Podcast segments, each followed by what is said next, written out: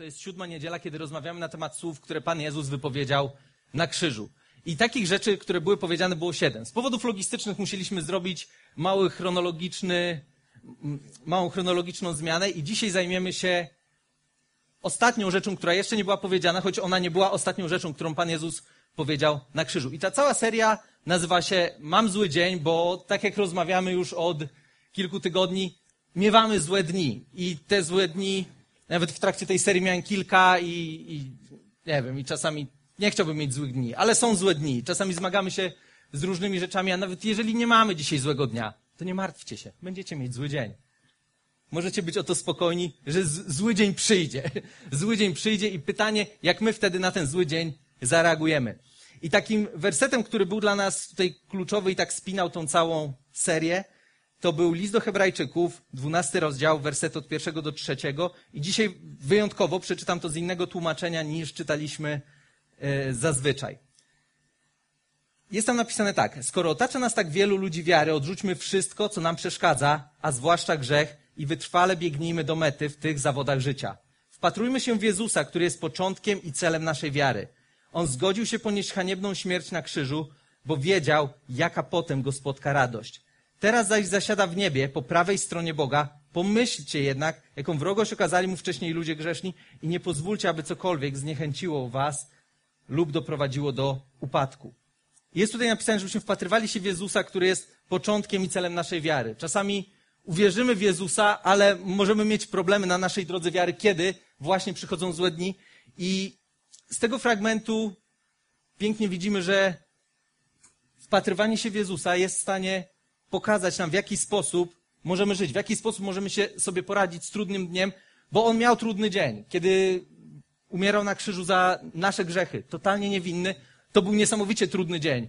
I z tego dnia mógł zrezygnować, mógł tak naprawdę tego nie robić, ale podjął decyzję, że bierze na siebie tą trudność, bo wiedział, że dzięki temu będzie mógł zdobyć nas, którzy, którzy później podejmujemy decyzję, żeby iść za nim.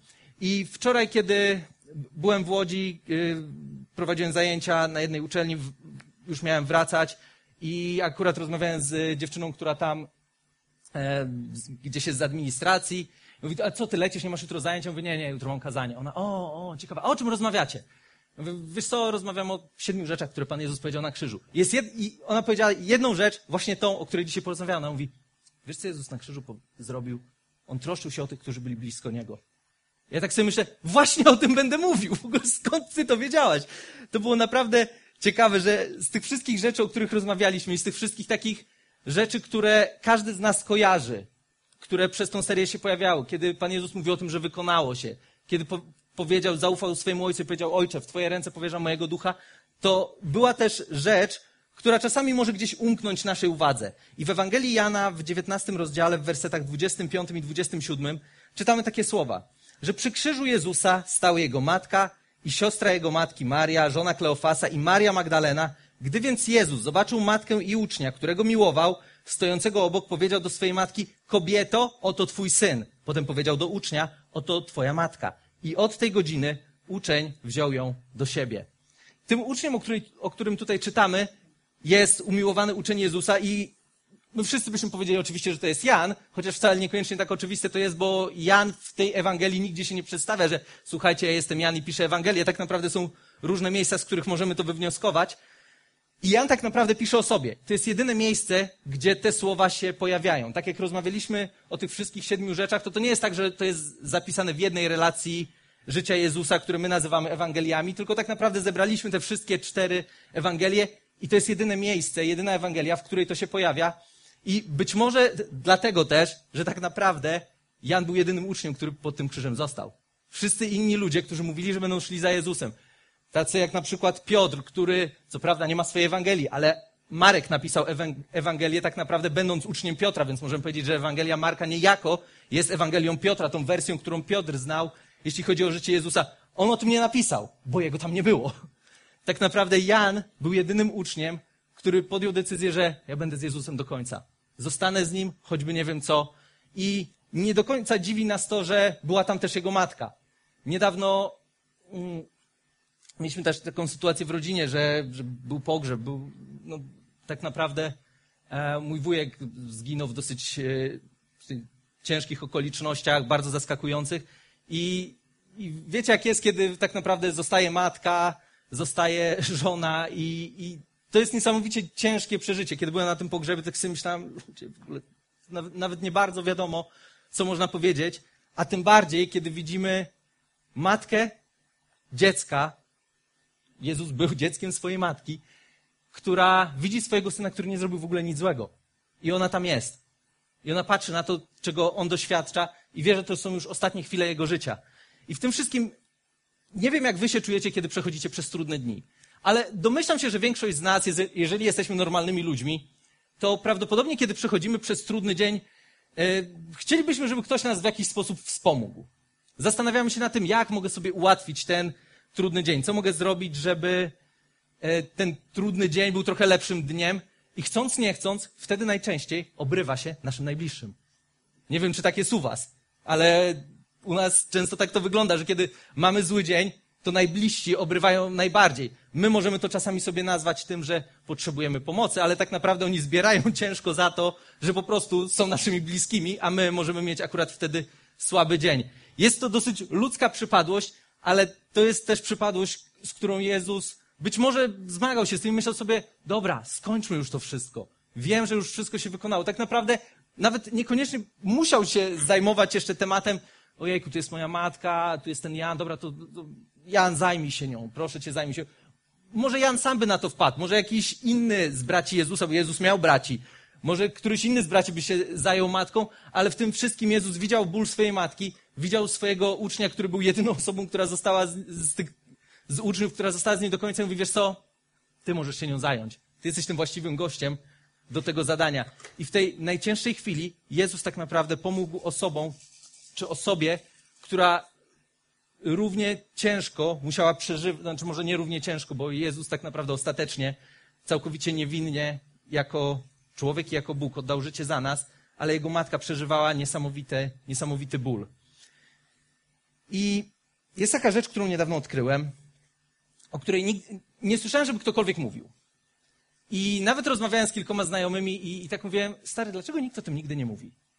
Bo jeżeli mm, znacie kogoś, kto ma dzieci, pojawia się pierwsze dziecko. I był taki moment, że ja sobie myślałem, no dobra, wiem, czego po Dodo mogę się spodziewać. I nagle pojawiła się Tola. I ja się połapałem, że są takie momenty, kiedy ja nie wiem, czego mogę się spodziewać po mojej żonie. I były takie chwile, gdzie myślałem sobie, gdzie ona jest?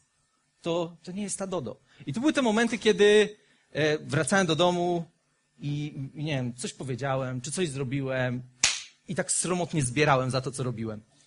I wiem, że nie możecie w to uwierzyć, że Dodo potrafiłaby być, nie wiem, wredna wobec mnie, czy coś takiego. Skonsultowałem to z nią, pozwoliła, żebym się tym podzielił. Ale ja tak w którymś momencie mówię, kochanie, jesteś jakaś niemiła dla mnie. Wiesz, tak, nie chcę się czepiać, ale naprawdę tak czasami, wiesz, jak kurczę, mi coś powiesz, to jejku, jak ja bym ci tak powiedział, to by się do mnie przez tydzień nie odzywała. O co chodzi? E, no i tak rozmawialiśmy, że no, no okej, okay, ma dodatkowe obowiązki, trochę trudniej śpi, no bo pomimo tego, że Tola śpi świetnie, to często jest to okupione tym, że jej mama trzyma ją przy cycku przez północy po to, żeby dziecko sobie spokojnie spało. Więc ja rozumiem to, że jest ciężko, chociaż nie rozumiem ciężaru, który tak naprawdę jest teraz na Dodo, ale wtedy też, też tak mówię, mówię, kochanie, to weź chociaż powiedz, że, że jest ci ciężko, żebym chociaż wiedział, za, za co zbieram, bo czasami to jest tak, że wiecie, faceci zbieramy za coś i nawet nie wiemy do końca za co. I, w, i, w, i mamy się domyśleć, za co zbieramy. I, i tak mówię, to, to, to chociaż, wiesz, jak powiesz mi tak uczciwie, że Jacek jest mi ciężko, chociaż ja wiem, że jest ci ciężko, e, i powiesz, dlatego może mi się czasami zdarzyć, że będę dla ciebie niemiła, wybacz. To ja bym to jakoś inaczej przyjął, ale to było, wiecie, jeden strzał, drugi, trzeci, ja tak myślę sobie, kurczę, o co chodzi? I kiedyś zadzwoniłem do znajomego, mówię, stary, czy też tak miałeś? Masz dwójkę dzieci, weź, weź mi powiedz, jak to było z pierwszym. Mówi, no było dziwnie czasami, nie? Ja mówię, czemu nikt o tym nie mówi?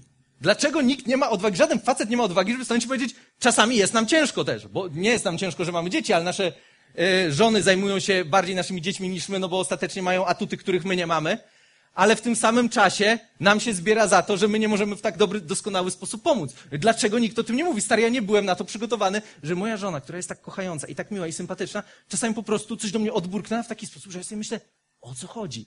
No mówię, wiesz co, chyba jest u wszystkich. Mówię, no dobra, no nie wiem, ale kogo masz na myśli? Mówi, Jest taki jeden inny wspólny znajomy, mówi, stary, on czasami do mnie dzwonił. Wchodził do domu i przepraszał na progu za wszystko, co zrobił, wszystko, czego nie zrobił, wszystko, co jeszcze zrobi tego dnia. I czasami dzwonił do mnie i mówi, stary, ale ja naprawdę nic nie zrobiłem. Nie zrobiłem nic, co zasługiwałoby na taką reakcję. I wtedy było takie, sorry, takie jest życie. I tak, napra tak naprawdę, kiedy przechodzimy przez te różne trudności, to mogą być takie trudności, już trochę się z Dodo ogarnęliśmy, już sobie wytłumaczyliśmy, co się dzieje i jakie, jaka tutaj dynamika teraz zachodzi w naszych relacjach, więc trochę łatwiej jest mi przyjąć to, co się dzieje. Ale przechodząc przez te wszystkie trudne dni, my tak naprawdę z automatu nie mamy tak, że będziemy się przejmować tym, co kto inny sobie o mnie pomyśli. Kiedy Dodo w tej sytuacji miała zły dzień, czy czasami jej się zdarzały jakieś takie rzeczywiście trudniejsze chwile, to zbierałem ja. Oczywiście wiem, że na to zasłużyłem i wiem, że to była moja wina. Jak każdy porządny mąż, wiem, że wina jest zawsze po mojej stronie, ale mimo wszystko tak działamy jako ludzie. I tak naprawdę w Bogu mamy narzędzia do tego, żeby poradzić sobie z każdym trudnym dniem, jaki nas spotka. I w pierwszym liście Piotra, w pierwszym rozdziale, w wersetach drugim i trzecim, są napisane takie słowa. Łaska i pokój niech się wam pomnożą przez poznanie Boga i Jezusa, naszego Pana, jako że Jego boska moc obdarowała nas wszystkim, co potrzebne do życia i pobożności, przez poznanie tego, który nas powołał do chwały i cnoty. Jego boska moc obdarzyła nas wszystkim, co potrzebne do życia i pobożności, przez poznanie tego, który nas powołał do chwały i cnoty. W Jezusie mamy wszystko, żeby żyć życiem, którego Bóg też od nas oczekuje. I ta pobożność to nie jest to, że jesteśmy pobożnie religijni i wykonujemy jakieś pewne czynności, ale tak naprawdę jest to słowo, które wskazuje na to, że my żyjemy życiem, które Bogu się podoba i źródłem tego życia jest Bóg. Bo my nie możemy żyć, być pobożnymi ludźmi o swoich własnych siłach, bo wtedy stajemy się religijni. Myślimy sobie, że na, zasługujemy na pewne rzeczy, że coś nam się należy. A tak naprawdę nic nam się nie należy, ale wszystko dostaliśmy w Jezusie i w tej ofierze, którą On za nas poniósł. Więc kiedy chcemy być osobami pobożnymi, to tak naprawdę źródła szukamy w Bogu i z Boga żyjemy życiem, które Jemu się podoba. I są takie cztery rzeczy, które mogą sprawić, że ten ciężki dzień, przez który być może przechodzimy, e, nie zrujnuje dnia naszych najbliższych. I tak naprawdę, pomimo tego, że chronologicznie ta, jedna, ta wypowiedź Jezusa nie była ostatnio, tak sobie myślę, że to, o czym dzisiaj porozmawiamy, bardzo fajnie podsumuje nam to wszystko, o czym rozmawialiśmy przez ostatnie tygodnie. Pierwsza rzecz, która jest kluczowa do tego, żeby nie ranić innych, kiedy przechodzimy przez trudny dzień, to jest to, żebyśmy właściwie ocenili problem. Czasami ten problem, który powoduje nasz zły dzień, yy, wydaje nam się być ogromnego kalibru. To prawie niszczy moje życie. Ale, tak, ale zazwyczaj jest tak, i znowu pewnie większość małżeństw, które bym spytał, o co się zazwyczaj kłócicie, to byście powiedzieli o pierdoły. O rzeczy, które totalnie nie mają znaczenia, które są jakieś ósmorzędne, czy nie wiadomo którorzędne, ale one doprowadzają nas do miejsca, w którym tak naprawdę mamy jakiś konflikt między sobą, który czasami kosztuje nas dzień, kosztuje nas dwa dni, e, tego, że jest jakaś napina, że się do siebie nie odzywamy, albo nie odzywamy się do siebie tak, jak powinniśmy się do siebie odzywać, albo mówimy słowa, których być może nigdy nie powinniśmy byli powiedzieć. I w liście do Efezjan, w szóstym rozdziale, w wersetach 11 i 12, czytamy słowa napisane przez apostoła Pawła. Przywdziejcie pełną zbroję Bożą, abyście mogli się ostać wobec zasadzek diabła. Nie toczymy bowiem walki przeciw krwi i ciału, ale przeciw zwierzchnościom, przeciw władzom, przeciw rządcom ciemności tego świata, przeciw duch, duchowemu złu na wyżynach niebieskich. I prawdą jest to, że ludzie, którzy podejmują decyzję, że chcą iść za Jezusem, spotykają się z przeciwnościami, między innymi dlatego, że jest przeciwnik. Że jest przeciwnik, któremu nie zależy na tym, żebyśmy żyli w wolności. Jest przeciwnik, któremu nie zależy na tym, żebyśmy realizowali tą misję, którą mamy do zrealizowania tutaj na świecie. Jest przeciwnik, który w ogóle nie chce, żebyśmy zmieniali ten świat na lepszy w jakikolwiek sposób, ale jednocześnie też nie chciałbym, żebyśmy zbyt dużo y, zasług przypisywali, takich w cudzysłowie zasług przypisywali temu przeciwnikowi, bo to nie jest tak, że on że wszystko, co się dzieje w naszym życiu złe, to jest spowodowane tym, że diabeł gdzieś działa. No bo czasami po prostu zachowujemy się jak głupki i może się zdarzyć tak, że wtedy po prostu coś się wydarzy w naszym życiu, bo zrobiliśmy coś kompletnie głupiego i możemy się do tego uczciwie przyznać. A inna sprawa jest taka, że jeżeli mielibyśmy żyć życiem, które jest skupione tylko i wyłącznie na nas i ono w ogóle nie dotyka innych ludzi, to nawet nie wiem, czy diabeł miałby się nami po co przejmować, no bo okay, no dobra, skoro dajesz życie Jezusowi, jesteś zbawiony, spoko, ale jeżeli tak naprawdę nie robisz nic, co w jakiś sposób zagraża mnie, to po co miałbym się tobą w ogóle zajmować? Nie wiem, czy tak jest, ręki za to nie dam, ale czasami tak sobie myślę, że jest dużo sytuacji, kiedy y, przypisujemy diabłowi zasługi, na którą on w ogóle sobie nie zasługuje. Ale inna rzecz jest taka, że wciąż jest przeciwnik, który cieszy się z tego, że przechodzimy przez trudny dzień, nie tyle może z tego, że przechodzimy przez trudny dzień, tylko z tego, że przechodzimy przez ten trudny dzień niewłaściwie. I często z Dodą mieliśmy takie rozmowy, że przy jakiejś, jakimś większym konflikcie, tak sobie później siadaliśmy i rozmawialiśmy. Jest ktoś, kto się z tego musi bardzo cieszyć. Że na przykład tracimy dzień, tracimy dwa dni, nie wiem, nawet byśmy, ciężko by nam było się ze sobą pomodlić, po prostu nie możemy na siebie, znaczy, no, możemy na siebie patrzeć, ale, ale wiecie jak jest. Czasami jest tak, że myślimy sobie, jejku, no o czym mamy gadać? Po prostu, wiecie, jest ktoś, kto się z tego cieszy, że marnujemy nas, nasz potencjał, który mamy w Bogu, który możemy wykorzystać do tego, żeby zmieniać świat na lepsze. I czasami są takie drobne rzeczy, które potrafią nas tak wyprowadzić z równowagi, że kompletnie nieproporcjonalnie zachowamy się do powagi sytuacji. W czwartek rozmawiałem ze, ze znajomym, mieliśmy wideokola i w pewnym momencie na, na stole, nie widziałem, że na stole stoi szklanka z wodą. Ale od początku naszego małżeństwa zawsze tłumaczyłem Dodo, wykochanie, woda i elektronika to nie są przyjaciele. I będę niesamowicie wdzięczny, jeżeli szklanka z wodą nie będzie blisko mojego laptopa, twojego też, bo jeżeli twój się zepsuje, to ja będę musiał się zająć tym, żeby go naprawić. Więc nie róbmy tego. Siedzę, jest ta rozmowa i w pewnym momencie widzę, jak woda leje się po stole. Ale jako, że nie widziałem ze strony Dodo jakiegoś gwałtownego ruchu, to sobie pomyślałem, że nic złego się nie dzieje. Do momentu, kiedy mój laptop się wyłączył. I wtedy mamy świadka, była akurat u, u nas jeszcze jedna osoba w domu, poza tolą. Tak, komputer się wyłączył, wiedząc, że jak elektronika jest zalana i się wyłącza, to jedna rzecz, którą możesz mądrą zrobić, to nie włączaj tego, tylko najpierw wysusz. Mówię, no dobra, to dzwoniłem z telefonu do, do, do tego znajomego i mówię, co się stało? Ja mówię, wiesz co, a tam szklanka wody na laptopa, nic strasznego. No stary, wiesz co, ty musisz coś z tym zrobić? Ja mówię, no nie, no wyłączył się, nie? No to co ja teraz zrobię? No wiesz, specjalista nie jestem. Mówi, nie, nie, zajmij się tym, zajmij się tym, później najwyżej odzwonisz. No to zadzwoniłem do, do znajomego z serwisu, on akurat nie odbierał. Więc mówię, dobra, stary, no to możemy porozmawiać, no bo i tak z tym nic nie zrobię, poczekam na gościa z serwisu. Wiem, że mógłbym to sam wysuszyć, ale ja chcę, żeby ktoś wziął odpowiedzialność za to, że jak go włączy, to to będzie sprzęt, który nadaje się do włączenia. I przez cały ten dzień, i zresztą do dzisiaj to robię, i obiecałem to, że będę robił to przez najbliższe pół roku co najmniej, mówię, kochanie, Ile razy ci mówiłem? Ale to już było nie, nie, nie że takie, wiecie, wredne, że chcemy, że to coś zmieni, ale bardziej takie, czasami jest tak, że jak ja zrobię coś takiego drobnego, w moich oczach oczywiście drobnego, co oczywiście jest moją winą i, i biorę wszystko na siebie, to, to mam poczucie, że Dodo reaguje nieproporcjonalnie, adekwatnie do tej sytuacji, która się wydarzyła i wtedy sobie myślę, a co ja mam teraz ze sobą zrobić? Nie wiem, nie wiem. No, no co? Po prostu, no stało się, nie wiem, zbiłeś coś i tak dalej.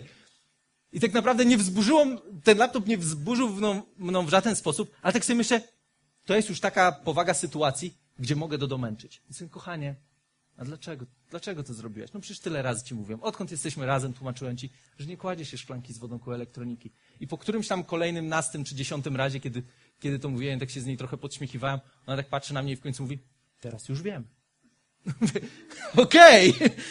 czyli, czyli musimy empirycznie sprawdzić, co się wydarzy, kiedy coś takiego zrobimy i teraz już wiem, że to nie jest właściwe. Kolejna rzecz, którą możemy zrobić po tym, jak już właściwie ocenimy problem, w którym się znajdujemy, który zazwyczaj nie jest aż tak wielkim problemem, jak nam mogłoby się wydawać, to jest to, żebyśmy nie użalali się nad sobą.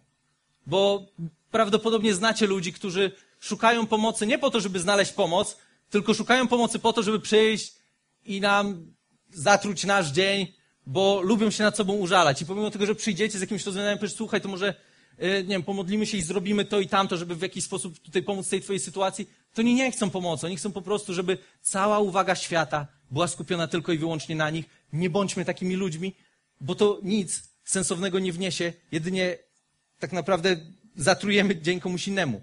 I znowu w pierwszym liście Piotra, czytamy, żebyśmy uniżyli się pod potężną ręką Boga, aby wywyższył nas w odpowiednim czasie. Wszystkie wasze troski przerzućcie na Niego, gdyż On troszczy się o was. Wszystkie troski to są wszystkie troski. I greckie słowo, które oznacza wszystkie, które tutaj jest jako wszystkie, to jest właśnie słowo wszystkie. Czyli każda troska, którą mamy, co jest ciekawe, możemy czasami sobie powiedzieć, że ale wiesz, bo to jest takie błahe. Z jednej strony truje mi dzień, ale z drugiej strony, ale to jest takie błahe. Wszystkie troski przerzućcie na Niego, gdyż On troszczy się o was. Bóg chce, żebyśmy we wszystkim ufali Jemu i to nie znaczy, że mamy kompletnie zrezygnować z tego, żeby się nie otaczać ludźmi, z którymi możemy porozmawiać, ale pamiętajmy o tym, że naszymi troskami przede wszystkim powinien się zajmować Bóg. I to On chce być wręcz tą osobą, która mówi, wrzucaj wszystko na mnie. Masz jakiś problem? Wrzucaj, ładuj śmiało. Mnie to i tak nie wzruszy. Ja się nie zasmucę jakoś szczególnie z tego powodu, bo mam wszystko, co jest Ci potrzebne do życia i pobożności. Zajmiemy się tym tematem, tylko przynieś go do mnie. Jak będziesz próbował samemu, będzie ciężko. A jak będziesz chodził do innych i opowiadał, jakie Twoje życie jest ciężkie, jak wszystko jest straszne i w ogóle cały wszechświat się zmówił przeciwko Tobie, to, to tak naprawdę nic nie osiągniesz, a ludzie wokół Ciebie zaczną nagle nie odbierać telefonu, przestaną odpisywać na SMS-y, będziesz sobie myślał, no tak, no i teraz to już w ogóle, nie? Jeszcze oni w ogóle czuję się taki prześladowany przez moich przyjaciół, bo nie chcą odebrać ode mnie telefonu. Bo jesteś marudą, bo po prostu się nad sobą użalasz. Miałem kiedyś taką sytuację, że na tych letnich obozach chrześcijańskich, po których jeździłem, starty, decydujące momenty, te rzeczy, które organizuje duszpasterstwo młodzieży, był taki chłopak, który do mnie przyszedł i mówi, Jacek, czy mógłbyś być moim mentorem? A ja tak myślę sobie, ale sobie mentora znalazłeś. No, nie, stary, możemy sobie pogadać, nie? Ja tam nie lubię jakichś tam tytułowań jakichkolwiek, ale no, chcesz pogadać, no to, to spoko, to możemy pogadać, nie? Jak mogę ci w czymś pomóc, to luz. No i jak rozmawiamy raz, drugi, on kiedyś mi opowiadał o jakimś tam swoim problemie, nie był w ogóle nawet z okolic. Więc, więc to było tak, że się gdzieś spotkaliśmy, nie wiem, trzy razy w roku, I to było tyle. I gdzieś tam zadzwonił, czasami coś powiedział i, i, i miał jakiś problem. I ja mówię, stary, ja ci nie pomogę z tym problemem. Ale uważam, że jest jedna osoba, z którą powinieneś o tym porozmawiać i to jest twój pastor. Ale Jacek, ja tego nie zrobię. Starcie, ja nie będę więcej z tobą rozmawiał. No ja, ale naprawdę tak zrobisz? No naprawdę.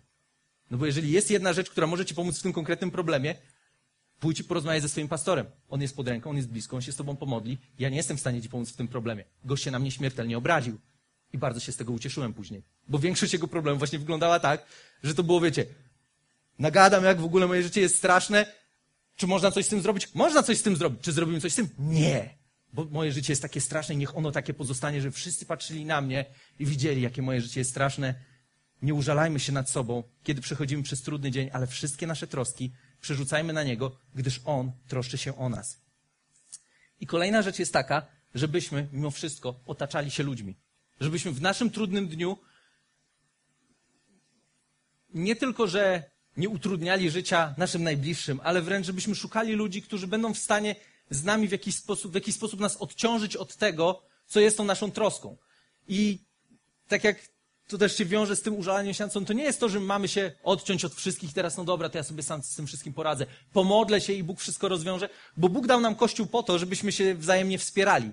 Więc bycie częścią Kościoła, bycie częścią wspólnoty, która się wzajemnie kocha i która jest dla siebie duchową rodziną, to jest tak naprawdę coś, co jest w stanie pomóc nam w tym, że przez trudny dzień przejść. I to też świetnie wiąże się z tym, o czym mówił Jacek w swoim, e, w swoim kazaniu, kiedy mówił o tym, że czasami musimy po prostu przyznać się do tego, że potrzebujemy pomocy. My nie lubimy się przyznawać do tego, że potrzebujemy pomocy, ale po tym kazaniu, które Jacek powiedział, ja sam sobie pomyślałem, ja muszę się chyba czasami przyznać komuś, że potrzebuję pomocy.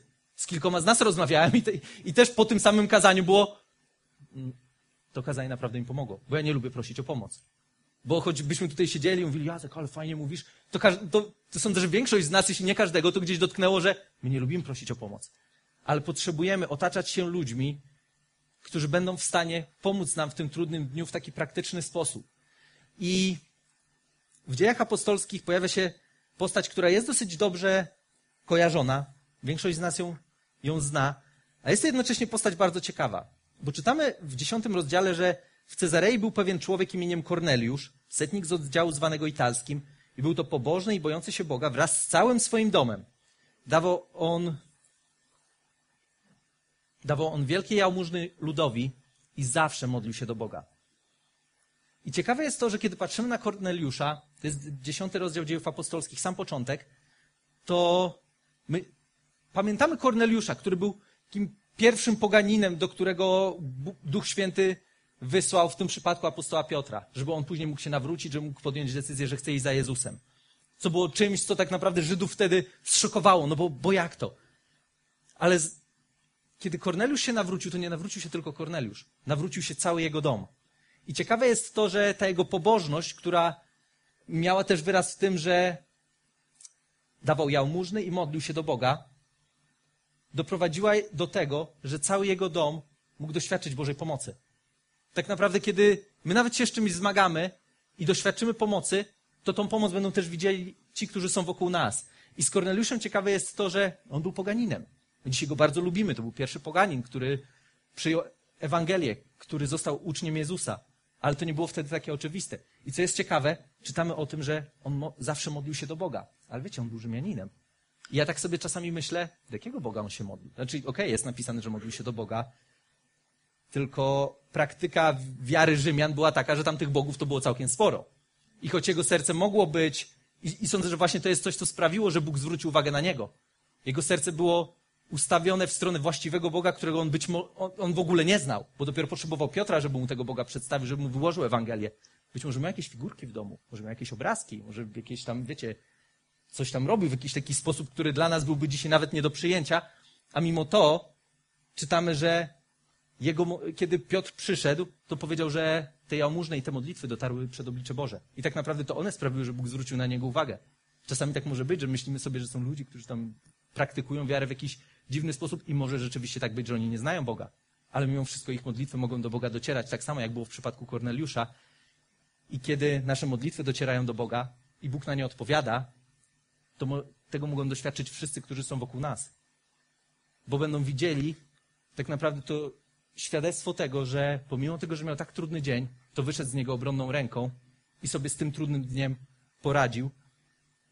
A jednocześnie Kościół to jest najlepsza grupa ludzi, która powinna sobie wzajemnie właśnie w taki sposób pomagać. Kiedy ktoś ma trudny dzień, nie jest tak, wiecie, czasami nie będziemy widzieli tych problemów, ale wtedy jesteśmy, możemy spotkać się na małej grupie, może spotkać się z kimś na kawę w domu i, nie robić tak, że wiecie, my czasami tak ładnie się uśmiechamy. Ja wiem, że my umiemy się pięknie uśmiechać, ale czasami za tym uśmiechem kryje, kryje się trudny dzień.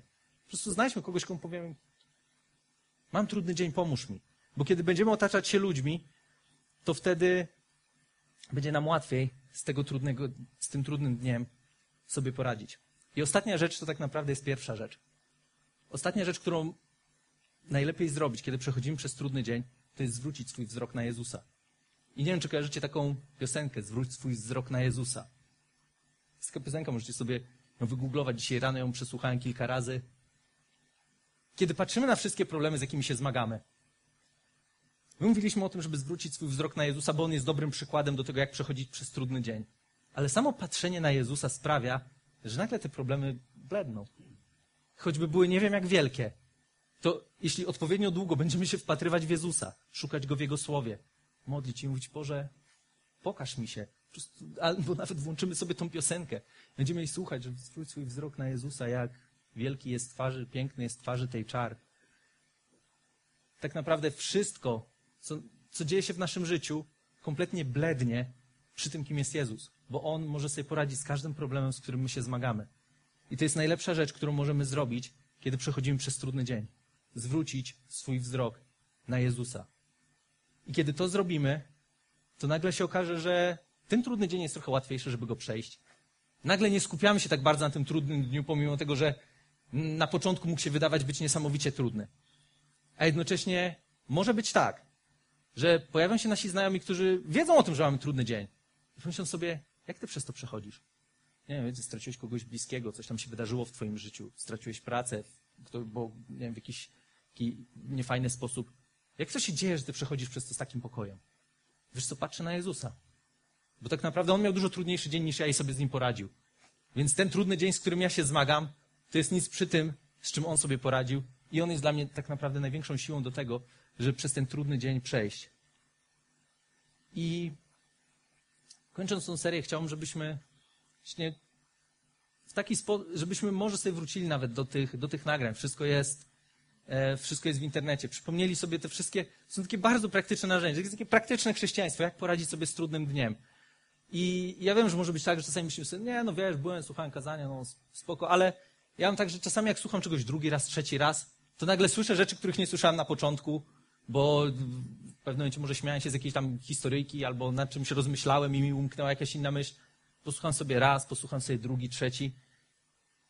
I to wtedy to słowo, o którym rozmawialiśmy, bo to nie jest to, że my rozmawialiśmy o jakichś ludzkich mądrościach. My rozmawialiśmy o Bożym Słowie, który w praktyczny sposób może zmienić nasze życie. Im więcej będziemy tego Bożego Słowa pakować w nasze życie, tym bardziej naturalnie będzie nam tym Bożym Słowem żyć. Im więcej tego Słowa będzie w nas, tym łatwiej będzie nam przejść przez każdy dzień, który może nie idzie tak, jakbyśmy chcieli, żeby szedł. Dlatego chciałbym, żebyśmy na koniec pomodlili się właśnie w taki sposób, Boże, za każdym razem, kiedy przechodzę przez trudny dzień, chciałbym po prostu mieć, przede wszystkim patrzeć na Ciebie. I te wszystkie rzeczy, o których rozmawialiśmy, nie, niech też będą takimi praktycznymi narzędziami, które pomogą nam lepiej przechodzić przez każdy trudny dzień. Jezu, dziękuję Ci za to, że Ty na krzyżu dałeś nam tak niesamowitą lekcję tego, jak radzić sobie w najtrudniejszych chwilach naszego życia. I pomimo tego, że my nigdy nie będziemy przechodzić przez coś tak okropnego, przez co Ty przechodziłeś, składając ofiarę za nas, po to, żebyśmy my mogli stać się Twoimi dziećmi, mimo wszystko zmaga zmagamy się z rzeczami, które może nie są tak wielkie, ale jednocześnie potrafią niszczyć nas, nasz dzień.